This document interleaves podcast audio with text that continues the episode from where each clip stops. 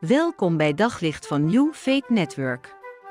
Luister elke dag naar een korte overdenking met inspiratie, bemoediging en wijsheid uit de Bijbel en laat Gods woord jouw hart en gedachten verlichten.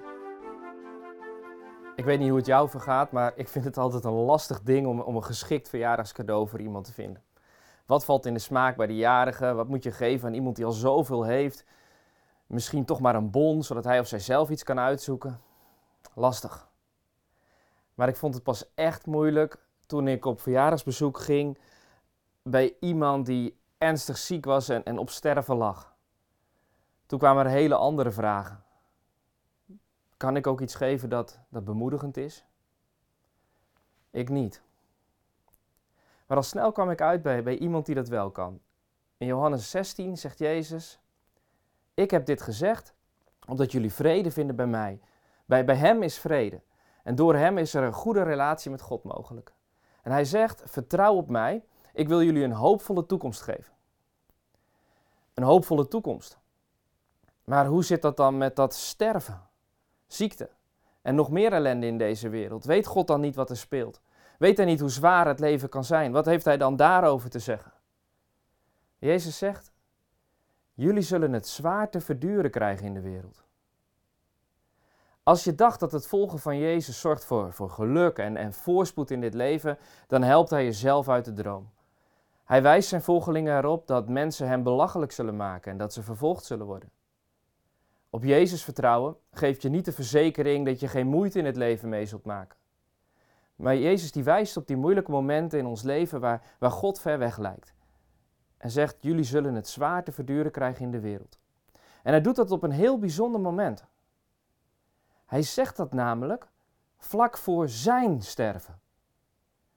Over een paar minuten komen soldaten om hem op te pakken, af te ranselen, een marteldood aan een kruis te laten sterven. En Jezus die, die weet wat hem te wachten staat. Iedereen zal hem verlaten, zelfs God.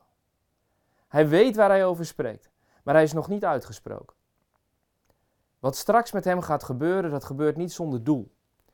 Hij leidt en wordt verlaten met als doel dat wij in leven en in sterven nooit verlaten hoeven te zijn. Jezus staat op het punt om die lijdensweg te gaan, zodat wij nooit zonder hoop hoeven te zijn. En Jezus zegt: Jullie zullen het zwaar te verduren krijgen in de wereld, maar hij zegt meer. Hij zegt: Maar houd moed, ik heb de wereld overwonnen. Ik ben op verjaardagsvisite gegaan met een klein houten kruis, wat kleiner dan deze. Op dat kruis stond een uitspraak gebrand die ik ooit van iemand te horen had gekregen. Houd moed met dubbel T en houd moed met dubbel D. Het lijden is er. Dat kruishout was nodig. En ook wij moeten ons kruis op ons nemen. Houd moed met dubbel T. Jullie zullen het zwaar te verduren krijgen in de wereld, maar houd moed met dubbel D. Ik heb de wereld overwonnen. Zo zeker is Jezus van de overwinning dat hij al voor zijn dood zegt: Ik heb de wereld overwonnen. Hij zegt niet: Ik ga de wereld overwinnen. Nee, ik heb de wereld overwonnen. Een paar uur later stierf hij aan het kruis. Maar daar bleef het niet bij. Hij stierf om ons leven te brengen. Echt leven. Leven zoals God het bedoeld heeft. Leven over de dood heen. Een paar dagen later stierf de jarige. Het kruisje lag op het bed. En ik kreeg één laatste wens te horen. Dat zo'nzelfde kruis op de begrafenis aanwezig zou zijn, zodat meer mensen het zouden zien. Houd moed en houd moed. En dat kruis, een groot kruis, is in de kerk komen te hangen en nooit meer weggegaan. En vandaag mag je zo'nzelfde soort kruis zien. Houd moed en houd moed.